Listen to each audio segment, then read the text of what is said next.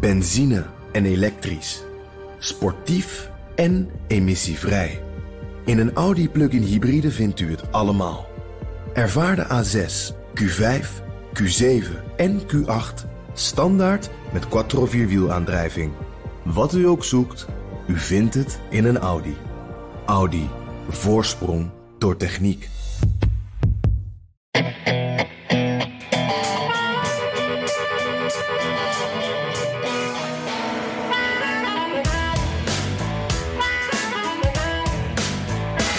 In Miami gingen de handschoenen uit. We gaan het hebben over de grote winnaars en verliezers van het eerste democratische debat. En de grootste winnaar die stond wat mij betreft niet per definitie op het podium.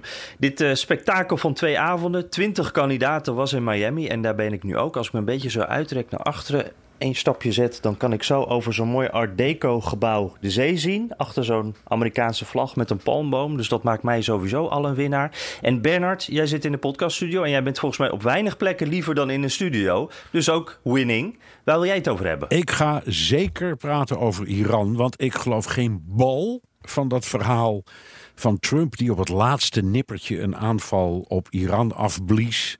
En dan ook nog omdat iemand tegen hem zei: Weet je wel dat daar doden bij kunnen vallen? Het is allemaal onzin. Houd toch op met het verhaal. Straks meer daarover. Ja, ja, ja, ja. Nou, welkom bij de Amerika-podcast van BNR. Aflevering 3 alweer. En uh, ja, zo het debat in Iran. Maar Bernard, eerst even, jij had een hele drukke week. Jij was uh, overal en nergens. Uh, ja, waar zat jij precies? Ik zat in het Midden-Oosten en ik heb met heel veel Israëliërs en Palestijnen gesproken over dat ja, mysterieuze Amerikaanse vredesplan. je weet, Jared Kushner, een van de personen over wie jouw boek gaat, die was in Bahrein voor zo'n hele grote conferentie over de toekomst van uh, dat gebied, uh, waar er deden geen Palestijnen en geen Israëliërs uh, aan mee, wat ik krankzinnig vind. Maar goed, Amerika. Die heb je toch nodig? Die heb je toch wel nodig, ja. Zeker als je uitgaat van een vredesovereenkomst. maar er is eigenlijk alleen maar beloofd om ja, 50 miljard dollar of zo beschikbaar te stellen voor ontwikkeling. Maar wat voor ontwikkeling, weet ik niet. En eh, ik heb daar eh, ja, met een heleboel mensen over gesproken. En trouwens, uh, Snorremans, de... Meneer Bolton. Ja, John Bolton, de, de, de, adviseur van... Trump die was in, in Jeruzalem, dus daar heb ik dan ook nog een graantje van meegepikt. Het was een interessant bezoek. Ja, ja, dat kan ik me voorstellen. Dus als zo'n Bolton langskomt, uh, worden dan alle rode lopers de vlaggen gaan uit? Hoe, ja, gaat dat? Ja, dat gaat helemaal met rode lopers en vlaggen. Maar het interessante vind ik ook wel de reactie van de omgeving. Want ja, je hebt een groot deel, uh, ik zou maar zeggen, Arabische, Palestijnse inwoners die zich totaal distancieren daarvan. Maar wat mij ook opviel, dat we heel veel Israëliërs ook erg cynisch waren hierover. Hoor. Uh, je ja. krijgt steeds het beeld dat uh, ja, die Trump is dan de grote held. En uh, er is nu zelfs een of ander resort naar Trump genoemd de vorige week toen ik daar was. Maar als je gewoon met mensen praat, en dan praat ik niet eens over speciale politieke richtingen. Ja, dan halen ze allemaal een beetje hun schouders erover op en zeggen ze dat wordt helemaal niks. Uh, leuk dat Trump uh, zo goed is met Bibi, maar Bibi ligt ook onder vuur. Dus wij zien er niet ja. veel in. Dat is een beetje het beeld dat ik heb gekregen. Ja, ja, ja. En wat ik me ook uh, afvraag, want hier in Amerika wordt een beetje spottend over, over die Jared Kushner gepraat, hè, die schoonzoon, uh, die, die, die zonder diplomatieke ervaring uh, dit probleem even op gaat lossen. en, en dat vredesplan van hem trouwens, dat is al bijna een jaar bijna af. en nu is het weer eigenlijk een beetje versteld, het, het, komt weer wat later. Hoe, hoe wordt er dan tegen zo'n Jared Kushner aangekeken in Israël? Precies zoals jij beschrijft. Ehm, ze vinden aan weerskanten het een krankzinnige opzet. Uh, en hoe kan het dat als dat uh, Trump, die uh, eigenlijk dat vredesplan al had aangekondigd voordat hij president werd, en onmiddellijk zijn schoonzoon erop heeft gezet, dat we eigenlijk nog steeds niks weten. Ja, als je erin kijkt, weten we wel iets hoor trouwens. het gaat erop dat de Israëliërs moeten dan een heel klein beetje territoriale concessies doen. Maar de Palestijnen krijgen niet helemaal een eigen staat. Dat is wat ik ervan begrijp. En daarvan zegt iedereen, Israëliërs en Palestijnen, ja, dat is dus geen oplossing. Of je besluit echt een twee-staten-oplossing te doen, of je neemt het besluit om dat niet te doen. Dat zou ook kunnen, maar je moet wel duidelijk zijn. Dit is, dit ja, is ja. Uh, uh, niks. Gewoon niks. Nee, nou ja, en dat niks, daar, daar gaan we dus nog, uh, ik geloof iets van een maandje of, of een paar maanden op wachten, als, als dan de volgende fase van dat plan komt. Ja, ik zit zelf dus in Miami, uh, ook een, een, hele leuke plek natuurlijk. Een stad die ook voelt al, als het buitenland. je moet hier Spaans kunnen. Ik heb met, met vijf Uber-chauffeurs in de auto gezeten deze week. Ik ben hier voor dat debat trouwens van de Democraten. eentje was uit Brazilië, eentje uit Puerto Rico, eentje uit Cuba en zelfs ook iemand uit Venezuela. En er was er maar eentje die Engels kon. En uh, ze luisteren ook allemaal naar Spaanstalige zenders, waar ik ook niks van versta. Dus ik, ik, ik spreek zelf geen woord Spaans. Wat, wat echt heel onhandig is in het uh, zuiden, in de zuidelijke staten van Amerika. Uh, dus ik heb daar af en toe echt met handen en voeten moet ik dan een beetje me, kenbaar maken. Ja. Ehm, hoe, hoe jij bent ook regelmatig in Florida. Ja, zeker. Ik, ja, dat vertel ik direct wel even. Maar het valt mij ook de eerste keer dat ik daar kwam, viel het me al op. Want toen kwam ik op het vliegveld van Miami. En dat was het eerste vliegveld in heel de Verenigde Staten dat tweetalig was. Dus, ja. dus daaraan kon je al zien, alle bordjes, alle aanwijzingen. En ook om mij heen hoorde ik toen alleen maar Spaans. In New York, waar ik woon, is dat trouwens ook het geval hoor. Bij mij op straat is de straattaal vaak Spaans. Dus het, is, het beperkt zich niet uh, tot uh, Florida alleen. Maar Florida, ja. Ik ga als, als het kan uh, één keer in het jaar in de winter met uh, mijn gezin, dus met mijn vrouw, zoon, uh, schoondochter en twee kleindochters, een weekje naar Palm Beach. Daar huren we altijd op dezelfde plek een, een heel simpel flatje waar we allemaal uh, prima in kunnen met een zwembad erbij. en dat is pal naast Mar-a-Lago. Uh, dus het, ah. ja, dus dat, dat, is, dat is. Ja, de afgelopen jaren. Vroeger reden we of wandelden we daar langs en dan riepen ze: Kijk, dat is van. Uh, hoe heet die man ook weer? Trump. Ja. en nu, als je daar komt. Ja, jongen, dus zeker als hij er is. Of als hij in aantocht is. Daar staan enorme files. Want iedereen wil kijken. En wij gaan ook daar vaak tussen de menigte staan. Menigte staan gewoon voor de lol om te kijken. En ja, het is heel apart hoor, als je daar zo uh, in dat... Ja, het is een beetje een, een monsterlijk gedrocht, dat, uh, dat paleis. Uh, en dan de verhalen er rondomheen. Dat je, weet ik veel, bijna drie ton op tafel moet leggen om lid te zijn en zo. Maar goed, het is leuk. Dus ik ken het. Dus ik, ik weet hoe je je voelt. Ik weet hoe, die, hoe het daar voelt. Uh, en lekker warm, neem ik aan. Ja, het is, uh, nou, ik zit nu uh, lekker binnen weer in de airco, maar het is inderdaad uh, gisteren zo'n beetje levend verbrand toen ik de hele ochtend buiten stond. Dat, ja, ja. Dat, ja je, je, moet er soms een beetje eventjes aan wennen. En over warm gesproken, dat is het ook in Iran natuurlijk. Ja, zeker. Daar wilde jij het over ja, hebben. daar wil ik het over hebben, want we, hebben we zijn de afgelopen weken steeds maar bezig met uh, die, die oplopende spanningen. Uh, de aanval uh, op schepen in de golf. het sturen van Amerikaanse versterking. dreigementen over en weer. en dan vorige week donderdag plotseling Trump die dan een luchtaanval had ingezet. Maar op het allerlaatste moment toen die vliegtuigen al in de lucht waren. Ze heeft teruggeroepen uh, omdat, dat is me niet helemaal duidelijk. Ofwel een journalist of een van de om hem heen zittende generaals zei... ja, daar kunnen wel 150 mensen bij omkomen. Uh, waarop Trump daar riep, dooien? Nou, dat wil ik niet op mijn geweten hebben. Daar stoppen we mee. En, en oké, okay, ja. dat, dat, klinkt, dat klinkt heel sympathiek. Maar het is naar mijn stellige overtuiging wat wij dan noemen een frame. Dit hele verhaal is van tevoren verzonnen. Ook om op die manier in de publiciteit te brengen. Om twee redenen. Uh, om uh, te laten zien dat Trump niet met mensenlevens speelt in de politiek. Dat is voor, voor de hele wereld een belangrijk signaal. Maar ook als waarschuwing aan Iran. Kijk eens wat wij kunnen. Als jullie kattenkwaad uithalen, als jullie drones uit de lucht schieten, als je schepen beschadigt in de golf. Dit is wat we kunnen. En hij heeft het ook daarna nog wel een beetje uitgelegd. Als er een aanval komt, dat wordt geen boots on the ground.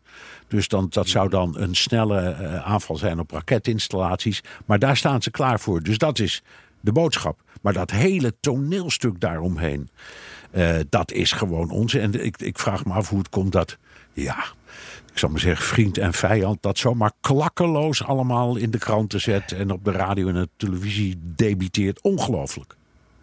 Ja, nou, wat, wat ik daar ook wel interessant aan vind. Want als dat inderdaad in scène is gezet, dan is het, was het misschien niet zo'n overtuigend toneelstukje. Want het wordt wel inderdaad wat je zegt. Eh, overal hebben we dit gelezen en gehoord. Maar wat ik ook meteen dacht, uh, er wordt een aanval gepland. Uh, al, alle militairen, alle generaals zitten om hem heen. En Trump die doet dan net alsof er vijf of tien minuten van tevoren inderdaad nog even besproken wordt dat er ook doden bij kunnen vallen. Maar dat is toch iets wat helemaal aan het begin al wordt gedaan. Maar natuurlijk, natuurlijk. Kijk, zo'n kijk, overtuigend verhaal van hem. Natuurlijk. Ze hebben in, in, in de Situation Room hebben ze die zaak heel eh, nauwkeurig voorbereid. En daar zaten niet alleen de generale staf, maar ook vertegenwoordigers uit het congres. Uh, en allerlei andere deskundigen bij. Uh, ongetwijfeld ook John Bolton, Snorremans, met de zijnen, ja. hè, de veiligheidsadviseur. Dus daar is zeer uitvoerig over gesproken. En de, het, het, het, bij elke voorgenomen aanval is de eerste vraag altijd: hoeveel risico lopen we zelf en hoeveel uh, um, slachtoffers maken we aan de andere kant? En vooral burgerslachtoffers. Dat is altijd een overweging. Dus dat is helemaal aan de, aan de voorkant al besproken. En niet terwijl die vliegtuigen al in de lucht hingen. Trouwens, Jan, het zou mij niks verbazen als die vliegtuigen helemaal niet in de lucht hingen. Oh, dat, ook dat deel van het verhaal is verzonnen, want ik zat niet aan boord. nee, nou ja, wat, ik me dan een beetje afvraag, wat, denk je dat uh, onderschat Trump de, de mensen om hem heen dan, zeg maar ons een beetje? Want iedereen dacht meteen van, nou wat een gek, gek verhaal eigenlijk. of is dat misschien zelfs ook wel onderdeel van, van, zijn strategie? Dat hij denkt van, nou ja, het maakt me eigenlijk helemaal niet uit als mensen wel snappen dat het niet helemaal klopt. Of wat denk jij?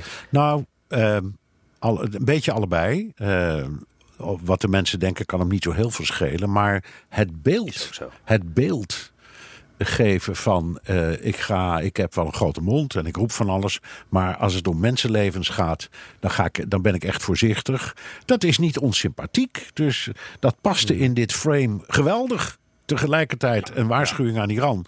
En ook een soort geruststelling aan zijn eigen achterban. Van ja, ik schiet niet zomaar mensen overhoop hoor. Zo zit ik niet in elkaar. Ja, ja, ja.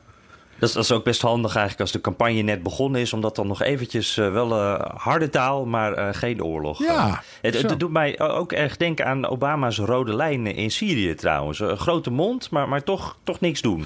Ja, ja, dat is een goeie. Want, maar goed, dat was, de, de situatie was toen anders. Hè. Het ging erom toen dat er sprake was van aanvallen met chemische wapens. En toen zei Obama destijds, als Assad dat doet dan is dat voor mij een rode lijn en dan val ik aan. Toen deed Assad dat, die gebruikte chemische wapens en uiteindelijk heeft Obama niets gedaan. Er zijn heel veel mensen die zeggen dat is de reden waarom die oorlog compleet uit de hand is gelopen en waarom uiteindelijk de Amerikanen, kun je zeggen, hebben verloren en de Russen en de Iraniërs daar hebben gewonnen. Uh, de, de sympathie op dat moment was compleet aan Obama's kant, hè, in, in ieder geval in de westerse wereld. In dit geval is het anders. Uh, de meeste Europese landen die twijfelen aan uh, die agressieve opstelling tegenover Iran. Of die hebben zelfs bezwaar daartegen en zeggen: nee, we moeten nou juist door onderhandelen. We moeten deze zaak niet op het spits drijven. Dus, door, dus het grootste verschil is: tegen wie gaat het? En in dit geval gaat het uh, door te zeggen, ik doe het bij nader inzien niet, denk ik dat, uh, dat Trump in, in Europa meer goodwill heeft gekregen dan Obama destijds woede op zijn hals heeft gehaald door het niet te doen. Uh, op een bepaald moment werd hem er ook naar gevraagd: waarom heb je, net, heb je dat dan gedaan? En toen zei hij: Nou, um, eigenlijk, dit was een juiste beslissing. En ik heb heel veel dankbaarheid gehoord. And by the way, we have tremendous support. Tremendous support. And people were very happy with what I did the other day by not doing something, okay? But we had tremendous and we have tremendous support. Nobody wants to see Iran have nuclear weapons. Thank you very much, everybody. Thank you. Ja, ja, tremendous support, maar, maar tegelijkertijd ook wel grote verdeeldheid, toch? Uh, in Europa kijken we hier uh, alles wat er gebeurt wat anders aan dan, uh, dan hoe Trump er tegenaan Ja, zeker, zeker. De Europeanen zeggen... we hebben destijds met zes landen en onderhandeld met Iran... en we hebben een afspraak gemaakt. En alleen Amerika uh, trekt zich daaruit terug. En ehm, het is, nou ja, goed, de, de opvatting van, van Trump heeft hij ook gezegd: I will obliterate Iran. Ik, ik, ik veeg het van de kaart als ze doorgaan met dit soort kattenkwaad. Ja, um, dat, dat, dat, is niet, dat is geen taal die, die, die we in Europa graag willen horen. En de achtergrond hiervan is dat eh, Trump zeer beïnvloed door eh, John Bolton, zijn, adviseur, uh, denkt dat als de druk op Iran nou maar groot genoeg wordt, dan krijg je daar een verandering van regime. Dan, dan houden die Ayatollahs het uiteindelijk niet vol. Uh, en dan komt er een oppositie aan de macht. En daar zit, dat kan hoor, dat dat gebeurt. Maar de denkfout is dat, dat ze dan denken dat dat een pro-Amerikaans regime zou worden. En het tegendeel is waar. Als je kijkt naar wie daar in de oppositie zitten. Ja, dat zijn in het algemeen mensen die net zo. Uh, pro- of anti-Amerikaans zijn of pro-nucleair, om het zo te zeggen, als het huidige regime. Dus je schiet er helemaal niks mee op. Ja. Ja, ja en, en, Trump die heeft dan ook nog gezegd uh, deze week: uh, ik heb uh, geen exit-strategie nodig voor Iran. dat, dat ja, toch opvallend dat, dat Afghanistan in Irak moet je dan meteen aan denken. En Trump was daar juist zo groot, grote criticus van, van die oorlogen. Wat denk je, meent hij dit dan echt? Of is hij ook misschien een beetje aan het pesten? Ja, is, is gewoon, ja natuurlijk is gewoon pesterij. En kijk, als ik, dat land, als ik dat land nou echt van de kaart veeg, het enige wat mijn soldaten dan nodig hebben is vuurvaste laarzen. En verder helemaal niks, want, want ja, het is dan gewoon uh, een, een, een grote brandende massa. Dat is een beetje het beeld dat hij wil scheppen. Ja, dat is pesten. Ja. ja. ja. En, en heb jij um, uh, bij Iran ook het gevoel dat, dat, dat die druk helpt? Want ook, ook weer, weer sancties. Ja, ja dat is een, er wordt wel druk gezet. Ja, dat is een goede. Kijk, en, en ze zeggen steeds, Pompeo, de minister van Buitenlandse Zaken, heeft dat gezegd. En ook anderen. Wat wij willen is een coalitie die ons steunt in dit beleid. Maar er is iets heel aparts gebeurd. Van de week was de minister van Buitenlandse Zaken van de Emiraten in uh, Moskou. Om daar met zijn Russische collega te praten. En die viel Amerika af. Die zei: de Iraniërs zijn echt niet zo kwaadaardig en die zijn echt niet uit op een conflict.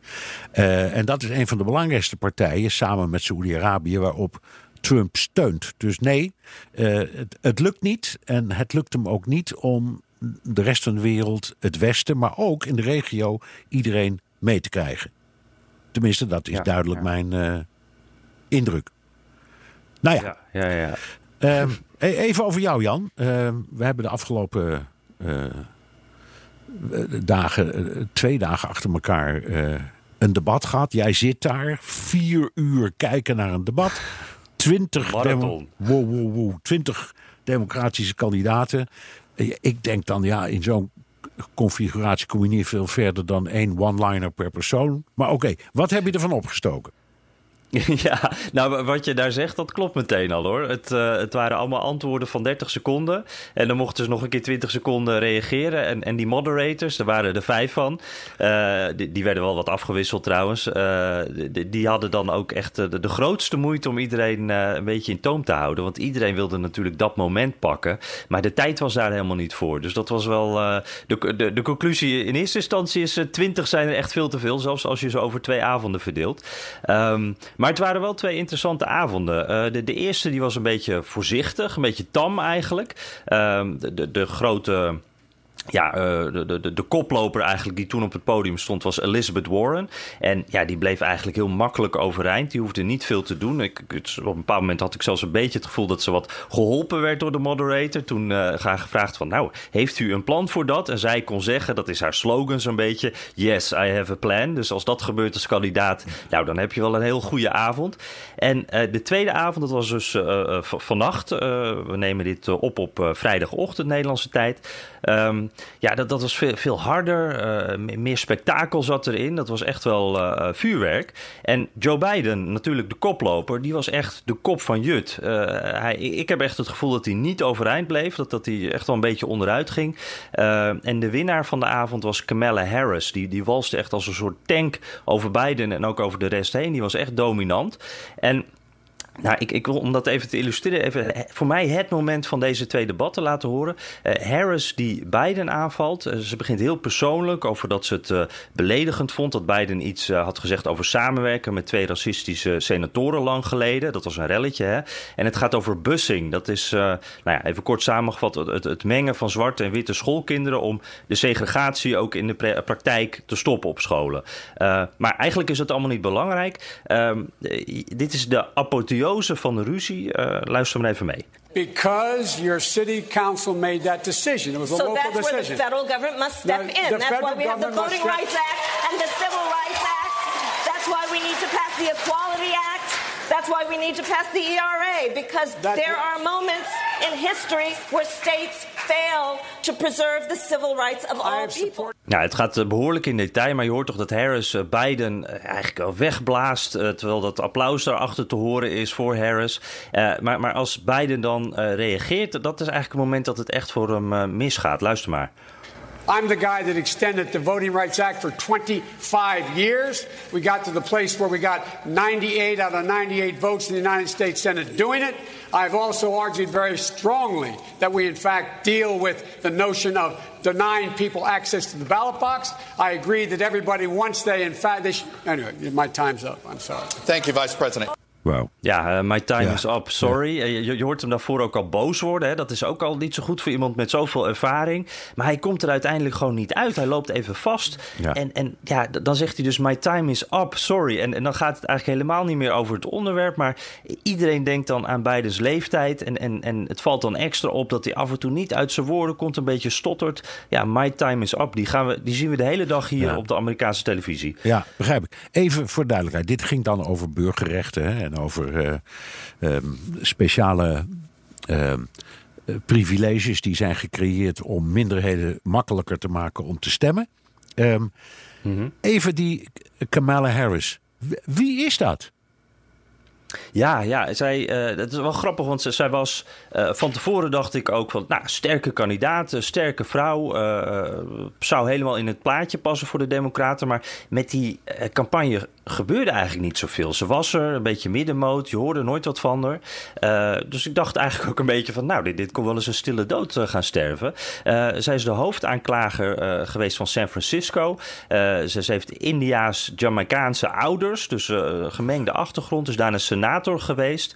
En eh, eh, ja, is iemand die dus heel sterk is in dit soort debatten. En eh, ook ja, van haar achtergrond gebruik maakt op dit moment. Want zij, zij begon ook haar verhaal met: ik ben de enige zwarte kandidaat hier op het podium. En, en op basis daarvan dus ook en op haar persoonlijke ervaringen beide aanviel. En daarmee echt, nou ja, helemaal, ja, hier wordt gezegd breakthrough. Ze, is doorgebroken. Ja, ja, ja. Kun je zeggen een soort van ja, vrouwelijke Obama? In, in elk geval zoals je naar haar ziet en luistert. Als je naar kijkt en luistert. Ja. Nou, ik, eh, ja, het, is, eh, nu zit iedereen een beetje in de euforie. Dat ken jij ook, hè? Dat dan net na zo'n debat zit. Oh, Kamala Harris, ze gaat het worden. En, en nou ja, goed, dat, dat moeten we allemaal nog maar zien. Kan nog van alles gebeuren. Maar eh, ik had dat gevoel wel een beetje. En de, de eerste avond, eh, toen was eh, Cory Booker, die stond op het podium. Dat is een eh, senator uit eh, eh, New Jersey. Zwarte man, eh, kaal hoofd. eh, ja, eh, heeft al een beetje het voorkomen van, van Obama dus. En eh, eh, die probeert heel erg hard Obama te zijn. Met mooie zinnen, maar wel een beetje bedacht allemaal. En die Kamala Harris, dat zal ook allemaal bedacht zijn, maar... Dat kwam er zo overtuigend uit. Eh, dus ik had echt zelf het gevoel een beetje van... ik heb de eerste avond iemand gezien die het graag wil zijn. En de tweede avond iemand die ook echt Ja. wel het charisma heeft. Wie het zou kunnen worden. Ja. Ja. die het echt zou kunnen Ja, worden. ja, ja, ja, ja. Nou, nou zat ik te lezen ehm, eh, over Kamala, Harris. Ik vraag, stel die vraag niet voor niks. Wie is dat nou toch? Ehm, en ik stuitte op een schandaaltje uit het verleden. Eh, omdat ze toen ze nog in San Francisco eh, aanklager was... een kwestie heeft gehad van iemand die aangifte deed... wegens seksuele handtastelijkheden in de katholieke kerk. En die zaak heeft ze compleet genegeerd. En dat komt nou weer terug. Is dat een ernstige vijand in dit verhaal? Nou, ik heb wel het gevoel dat, dat dit het moment komt dat eh, meer, pardon, meer van dit soort verhalen op gaan duiken. Want ehm, Harris, nou, die heeft al wel vaker, media-aandacht gehad. Maar dit is wel het moment dat iedereen op haar gaat duiken, natuurlijk, ook in de media. En uh, uh, dit verhaal is er inderdaad, waarbij uh, nou, slachtoffers heel kritisch zijn, want ze heeft niks gedaan, zeggen zij dan. en, en nou er zijn ook wel wat meer verhalen uit, uit die tijd. Dat zij bijvoorbeeld een, een wet heeft mogelijk gemaakt, waardoor kinderen die regelmatig spijbelen ook, nou, dat daarvan de ouders vervolgd konden worden. Nou, er was ook heel veel kritiek op. En er is nog ergens een, een laboratoriummedewerker in, in een politielaboratorium daar. nou, daar was ook, er waren misdragingen. heeft zij ook een beetje zo uh, weggemoffeld. Uh, het, het, zijn allemaal kleine dingen die juist in deze tijd natuurlijk wel uh, veel los kunnen maken. En, en, wat jij dan zegt, dat, dat, dat verhaal uit de katholieke kerk. nou ja, we zitten in, in het MeToo-tijdperk. dat, dat zou er echt nog wel eens kunnen bijten. Ja, dat is um, en goed, op dit maar... moment heeft ze daar nog niet zo, is ze nog niet zo aangepakt. Hoor. Nee, maar ze zoeken natuurlijk op het moment dat iemand boven komt drijven, dan gaat de hele wereld op zoek naar vuiligheid. Dat is logisch. Maar dit hiervan denk ik, ja, maar dit is niet zomaar een vuiltje. Dit is echt wel een kwestie. -hmm. Ja, en wat maakt dit voor jou dan zo? Nou uh, ja, omdat je het dan over de kerk. Ja, ja, ja, ja, omdat, ja. omdat dat, dat is wereldwijd nu zo'n groot verhaal. En als dan blijkt dat iemand die zo'n prominente plaats in de politiek speelt, daar eigenlijk, dat eigenlijk heeft genegeerd, dan denk ik, ja, dan heb je toch echt de plank behoorlijk misgeslagen. Voor mij denk ik, als ik zou moeten kiezen tussen die 20 en, en zij komt bovendrijven, zou ik denken, nou, misschien toch maar niet Harris. Ik doe maar wat. Dat zou heel goed kunnen. Ja. Er zit ook eigenlijk wel wat ironie in. Hè? Dat, Biden is uh, eigenlijk de hele avond aangevallen op alles wat hij in het verleden gedaan heeft. En alle inschattingsfouten. Ja. Ook de Irak-oorlog kwam nog voorbij. Allerlei zaken. Hij was echt de kop van Jut. En, en uh, ja, voor zo'n Harris zijn natuurlijk ook... Elke politicus heeft een verleden. Uh, deze Harris ook. alleen ja, de, de, bij haar is het nog niet echt aan de oppervlakte gekomen. Dus ik, ik kan me wel voorstellen... we gaan heel veel kritische stukken zien ja. de komende tijd. Ik ben benieuwd. Wat, wat me ook opviel... Weinig of geen uh, aanvallen op Trump. En ik dacht, dat is een opsteker. Want als je campagne wil voeren, moet je niet alleen maar Trump aanvallen, je moet met iets komen. Ja. Nee, klopt. Dat, dat vond ik ook wel. Vooral de eerste avond, toen, toen werd hij echt maar een paar keer genoemd. En dat, uh, nou, dat had ik ook niet zo verwacht. Ik had verwacht dat we de hele avond uh, gingen Trump bashen, maar dat viel eigenlijk heel erg mee. Tweede avond wel ietsje meer.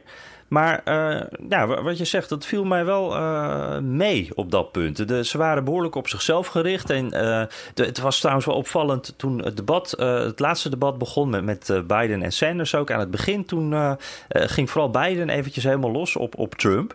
dus, dus Biden probeerde wel vast te houden aan zijn strategie. Hè, van eerst of, of nou ja, jezelf neerzetten als al de koploper en dus alleen de president aanvallen. maar dat, ja, dat kon hij niet zo lang, lang volhouden dus. Maar maar Trump was inderdaad, ja, hij kwam een paar keer voorbij, maar het was helemaal niet zo groot als, als, uh, als je zou verwachten als je nee, nieuws volgt. Nee. En tegelijkertijd, Trump deed iets wat, wat ik ook in het algemeen, nou, ik heb nog nooit gezien. De gewoonte was altijd, als de tegenpartij aan het debatteren is of een feestje heeft of weet ik veel, dan hou je als andere partij je kaak op elkaar. Niet Trump dus, hè? die begon meteen. Ja, ja. Dat vond ik, die trok meteen van leer. Ja, ja, klopt. Ik, ik, ben ook wel benieuwd wat jij daarvan vindt. Want ik, ik had um, van tevoren werd al gezegd: hè, van nou, Trump die gaat, uh, die denkt erover om te gaan live tweeten. Dat, dat zal ook wel bij hemzelf vandaan komen. Dan is er al een beetje reuring over. En uh, die eerste avond hield hij zich uh, in het begin zeker in. Hij zat in het vliegtuig en, en hij zat ook te kijken dus. En op een bepaald moment kwam dan de eerste tweet. Ik moest er wel weer om lachen. Boring met grote letters, saai met heel ja. veel uitroeptekens. Had hij nog gelijk ook, en, Jan? ja. Vind ik ook. Ja, klopt. Ja. Die eerste avond was ook echt saai. Ja, hij had ja. gewoon gelijk, ja. En toen viel hij nog even de tv-zender aan, omdat er wat technische problemen waren. Had hij eigenlijk ook wel gelijk in. Dus, um, uh, nou ja, dan, dan, ik, ik moet er toch wel een beetje om lachen. En, en er werd ook gezegd van, ja, het is allemaal niet slim. Uh, wat jij ook zegt, Bernard, van uh, dit, dit, dit, is, weet je, laat ze gewoon even hun ding doen. Die democraten, ze vallen elkaar al aan. dus je kon eigenlijk gewoon achteroverleunend ernaar kijken en laat ze elkaar maar kapot maken. Maar toen zat ik er zo wat te kijken. Er was een hele grote uh, ja, strategie bij de Trump, uh, bij de Trump-campagne. Allerlei mensen waren aan het tweeten namens Trump. En ze zijn ook allemaal op Fox News en op tv geweest en zo. Uh, maar het maakt eigenlijk niet uit wat iedereen tweet. Want er is eigenlijk helemaal niet zoveel aandacht voor. Als Trump één keer tweet, het maakt bijna niet uit wat. Iedereen neemt het mee. En ik had dus uiteindelijk het gevoel, het is eigenlijk wel slim geweest. Ja. Het, is- was, het voelt Ja, heel stom, ja, ja, ja. maar hij gaat gewoon weer tegen de regels in. En het, het heeft wel gewerkt. Ja, ja, nou dat is waarschijnlijk ook, daar heb je gelijk in. Ik heb er niet zo naar gekeken, maar je hebt gelijk. Dat als je gewoon zegt, ik, die, die regels lap ik allemaal laars. Eh, want dit is effectief. Ja, daar heeft hij ook wel. Even één ding. Het grote nieuws eh, de afgelopen dagen was de foto. De Ja, foto. Ach god, vreselijk. Daar de Ja. Rio Grande, die, Ja. die vader met dat dochtertje. Eh, Ja, gaat, gaat dus ja. over immigratie. Eh, he- heeft dat nou op de een of andere manier in deze sfeer van die debatten een invloed? Ja, ik had dat gevoel heel duidelijk. Het was natuurlijk ehm, de keuze voor Miami was natuurlijk ook al eh, dat heeft al invloed op zo'n debat. Hier zitten natuurlijk veel migranten, daar we hebben we het ook al over gehad. Eh, dus dat, maar die foto heeft echt eventjes in, één beeld, eh, zoals toen ook met die foto van- het jongetje bij de Middellandse Zee op een strand met zijn zijn gezicht in het zand, dat, dat, dat, in de Europese migrantencrisis. Dat, dat, dat heeft in één beeld eventjes alles concreet gemaakt. En Ehm, nou, je kon er echt niet omheen hier in de media. Er werd overal over gesproken. Uh, New York Times had het groot op de voorpagina. Ook andere kranten die hadden het erover. En ik hoorde Ja, daar Ne- twee Nederland, dingen bij Nederland- eigenlijk. Nederlandse kranten ook hoor. Ja. Het is echt overal zag je het. eh, nou ja, het was ook zo. Wat ze, ze riepen hier Ja. meteen eh, al bij BNR is een heel onderwerp geweest over de vraag: is dit nu een iconische foto? En het antwoord van de meeste deskundigen was: ja, dat wordt hij waarschijnlijk wel. Ja, ja en ik, geloof dat dan ook gezegd wordt, dan moet er eigenlijk moet er dan iets veranderen om het echt een icoon. En, en ja, daar wordt het dan wel weer een beetje moeilijk natuurlijk. Want ik merk hier ook wel twee reacties. Hè. Er zijn weer twee waarheden, zoals overal hier in uh, uh, Amerika. dat je dan democraten hoort die, die geschokt zijn door de foto. De, eerste primaire reactie van wat vreselijk, dat, dat kleine kind naast haar vader. maar bij republikeinen hoor ik dan ook, ja, maar dit is, dit, dit, dit, is misschien wel in scène gezet. Dit, zijn, dit, dit, dit wordt politiek gebruikt. We, we, we, moeten het over heel andere dingen hebben. Als we die muur bouwen, dan gebeuren dit soort dingen niet. Dus er zijn ook weer hele verschillende interpretaties uh, erbij. Um, en wat ik wel interessant vond, uh, wat echt, nou ja, die foto heeft echt wel veel losgemaakt. Um, in eerste, er is hier een detentiecentrum uh, in Miami. Dat heet de Homestead Facility. Er zitten iets van 3000 uh, tieners, uh, 13 tot 17 jaar oud. En we hadden natuurlijk naast die foto ook al die verhalen over, over die opvangplekken, detentiecentra bij de grens, waar, waar, de omstandigheden heel slecht zijn. Hè? Nou, hier zijn niet zulke verhalen van bekend, maar, wel, die kinderen zitten daar veel langer dan mag. Er zitten daar ook zonder ouders, dat wel dus soms kids van 13 jaar oud zijn. Dat, um, nou, er zijn verhalen van seksueel misbruik van uh, bewakers daar.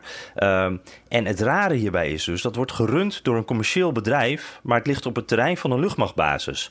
En, en, daardoor mogen onderwijsinspecteurs, experts uh, voor kinderrechten, die mogen allemaal niet naar binnen. Uh, Want de nou, staatsgeheim. Ja, ja, ja, ja, ja, ja, nee, inderdaad. Het, het, omdat het op die grond ligt. Dus ja, niemand heeft, ook de gemeente heeft daar zeg maar niet, of de stad heeft daar niet de, de jurisprudentie om, om daar zo naar binnen te mogen. Kun je daar als journalist heen? Nee, nee. En dat is natuurlijk wel wat ik wilde proberen. Ja. Want ik had hier over, over gehoord. En, en ik dacht, nou, daar wil ik kijken. En uh, in eerste instantie, nou, ik alles geprobeerd. En je komt er gewoon echt niet in. Het lukt, lukt niemand. Uh, ook lokale uh, gemeenteraadsleden komen er niet in. Um, maar toen bleek, toen was er één kandidaat, Beto O'Rourke. Die zei, ik ga proberen naar binnen te komen. Ik dacht, mooi, daar, daar ga ik achteraan. daar wil ik mee. Ja. En toen uh, kwam er uh, uh, nog een andere kandidaat, die ging toen stiekem een dag eerder. toen kwam er nog iemand, Elizabeth Warren kwam langs, Bernie Sanders. En uiteindelijk zijn eigenlijk alle kandidaten zijn daar langs geweest. En één momentje, Bernard, want ik zit op een hotelkamer en nu komt net de mevrouw van de schoonmaak komt voorbij. Eén seconde. Ja hoor. can you wait later with cleaning? Thank you. Ja, dat gebeurt dan ook tijdens zo'n podcast. Hè? Ja, dat, dat, gaat ook gewoon door. Ja. Um, maar ja, en maken ze daar netjes uh, schoon? Geval, ja. ja, het is een hele. Ik, ik laat een paar dollar achter hier uh, bij vertrekken hoor. Okay. is, uh, het is heel net. maar um, nou ja, uh, al die kandidaten kwamen dus, daar dus langs. Want die, die, die, moesten ook wel een beetje, omdat de, de, druk zo groot was geworden door die foto, door al dat nieuws. En wat je dan kreeg was. nou, ze komen daar dan, ze mogen niet naar binnen. Maar ze komen dan bij, bij een soort protest daar. Van, nou, het is een groepje vrouwen uit de buurt. Die staan op een trappetje om over dat hek naar die kinderen te zwaaien. Om ze een hart onder de riem te steken. En nou, daar gaat dan zo'n Beto O'Rourke en, en, Bernie Sanders, die waren er toen ik er was. En, en die speechen daar dan, die zwaaien ook, die roepen ook. En daardoor krijgt het heel veel media-aandacht. En, en nou, ik heb ook echt heftige verhalen gehoord over nou, wat het met die migrantengemeenschap daar doet. En waar je ook staat op het gebied van immigratie, echt de situatie in dit soort plekken is echt tragisch. Ja, maar eh, dan denk ik, je zit in Miami, daar speelt die zaak al zolang Florida bestaat. Uh, Zo'n beetje. dus de kwestie van immigratie. Um, denken republikeinen daar nu zoveel anders over zoiets als dat detentiecentrum als democraten. Ik kan me niet voorstellen, dat bedoel ik, dat de mensen die jij zeggen, nou is wel goed zo hoor, laat ze maar lekker uh, verkommeren daar. En heel fijn dat er geen journalisten en politici in mogen. Kan me niet voorstellen. Nee, nou ja, ik, ik, uh, nee, ik, ik, snap helemaal wat je bedoelt. Dat, dat gevoel heb ik zelf ook wel heel sterk. Maar wat ik merk is dat het voor. Uh, sowieso zijn er wel mensen die er zo over denken. Want er zitten echt wel een paar immigratie-hardliners. Uh, maar er is ook een grote groep voor wie het gewoon toch abstract en ver weg is. En die denken van, nou ja, val me er niet mee lastig.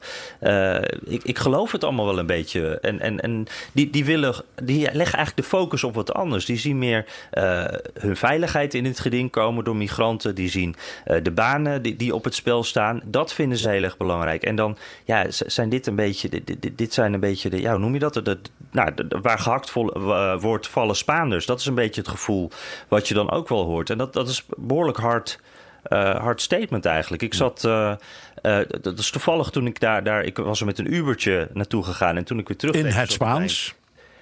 In het Spaans, dat ja. klopt. Ja, dit was een Venezolaanse uh, vrouw ja. die al, uh, uh, ik geloof al een jaar of tien in Miami woonde. En die was, ehm, het was met handen en voeten gesprek. Maar het was heel, ik, ik, vond het wel heel opvallend. Zij, zij was dus echt heel streng richting die, die, migranten. Ze zei, ik zou nooit op Donald Trump stemmen, maar wat hij doet is wel goed. Want ja, iedereen ontloopt de regels hier maar een beetje. Miami is ook Amerika. Er wonen hier zoveel illegale migranten. Niemand houdt zich aan de regels. Ze betalen geen belasting. Sommigen wel trouwens, maar zij zei ze betalen geen belasting. En ik heb alles volgens de regels gedaan. Dus ja, het is heel zielig voor die kinderen. En kinderen moeten ze niet opsluiten. Maar dat migranten worden opgesloten, dat snap ik wel. Dus ja, je hebt toch uh, twee, twee meningen hierover. Ja, ja, ja, ja. ja. Nou ja, um, ik vind uh, eerlijk gezegd deze ontdekkingsreis van jou langs dat detentiecentrum, als ik het zelf mag zeggen, veel spannender en ook wel, eh, ja, uh, moet ik het zeggen, belangrijker eigenlijk dan die kakelende twintig uh, kandidaten. Als, als, als ja, ik, ik, ik vind echt, ik, nou ja, het raakt me dit verhaal afschuwelijk. Ja, ja nee, ik, ik, eh, ik, ik, ik snap wat je bedoelt. Want ik had wel hetzelfde gevoel. Dus een debat, dat is ook een politiek toneelstuk natuurlijk. En, en, vooral op die, die, eerste avond blijkt ook weer... je kan allemaal een beetje uittekenen hoe het gaat gebeuren. En, en het is een beetje een, een, een, bijna sport ook, hè? alsof je naar een voetbalwedstrijd kijkt. En het gaat wel echt om die mensen natuurlijk. En als je die verhalen hoort over... Um, nou, ze vertelde dat, dat nou, Trump heeft uh, zon, voor afgelopen zondag had hij aangekondigd dat er grote raids uh, zouden komen. Dat mensen zouden worden opgepakt, uh, illegale, waarvan het adres bekend is. Die zouden meegenomen worden, nou, uitgezet. En um, nou, wat ik daar hoorde vanuit die gemeenschap is dat sindsdien het in de winkels heel stil is. Uh, ik sprak een uh, lerares die zei van ja, op sommige dagen dan, uh, dan zijn de kinderen er niet. Dan is er in de straat iets gebeurd en, en dan, dan, ja, dan duikt iedereen onder. En um, het is een heel ingewikkeld probleem natuurlijk met, ik geloof, dat weet je vast, 11 miljoen illegalen in Amerika. Dat, dat nummer wisselt ook nog wel eens. Ja. Maar ja, als je dit dan hoort, het is voor die mensen ook geen leven. Daar, daar moet toch iets aan gebeuren. Ja. En uh, ja, nou. dan blijft dat uh, politieke debat een politiek spelletje. Ja, ik vind, nou ik vind het een, uh, het is een prachtig, maar ook afschuwelijk verhaal. Ja, zeker. Um, nou, misschien moeten we het dan even over iets vrolijkers hebben, Bernard. Um, wij waren ooit natuurlijk de belangrijkste immigranten in dit land. Hè? Dat is uh, lang geleden. Oh, ja. En toen golden die immigratieregels ook nog niet. Uh, die uh, inheemse indianen die waren een stuk vriendelijk. Nou ja, goed. die, die lieten ons in ieder geval toe. het was af en toe met wat, met wat ruzie en wat oorlog.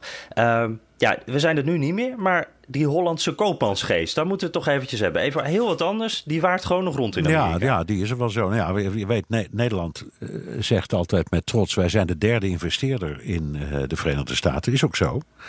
zijn we apen trots op. En het is interessant omdat als China de derde investeerder in Nederland zou zijn, of in Amerika, maakt niet uit, dan is de wereld klein. Maar als wij doen, is het eigenlijk een soort van heldendaad. Hè? Ja, dat is raar. Ja. We hebben die enorme discussie over eh, de Chinese invloed.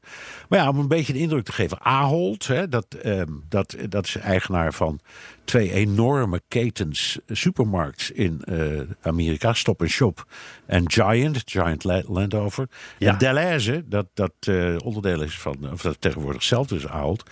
Die heeft dan Hannaford en Foodline. Dat zijn ook enorme eh, grote. eh, ja, in feite is het allemaal in handen van Nederland.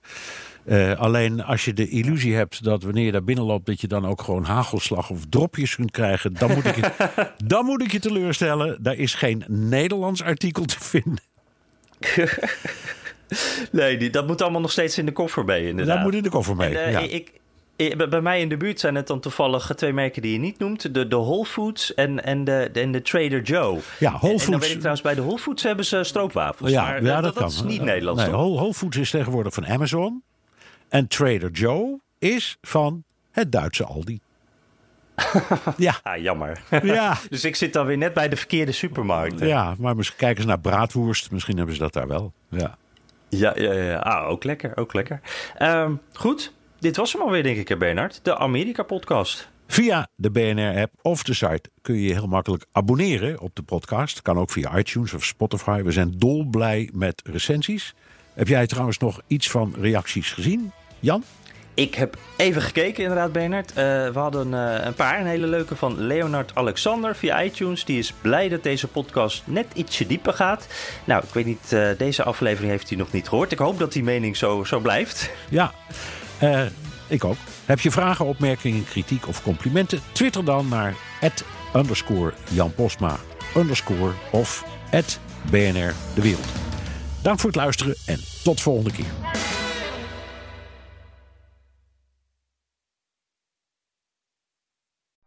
Benzine en elektrisch. Sportief en emissievrij. In een Audi plug-in hybride vindt u het allemaal. Ervaar de A6, Q5, Q7 en Q8 standaard met quattro vierwielaandrijving. Wat u ook zoekt, u vindt het in een Audi. Audi. Voorsprong door techniek.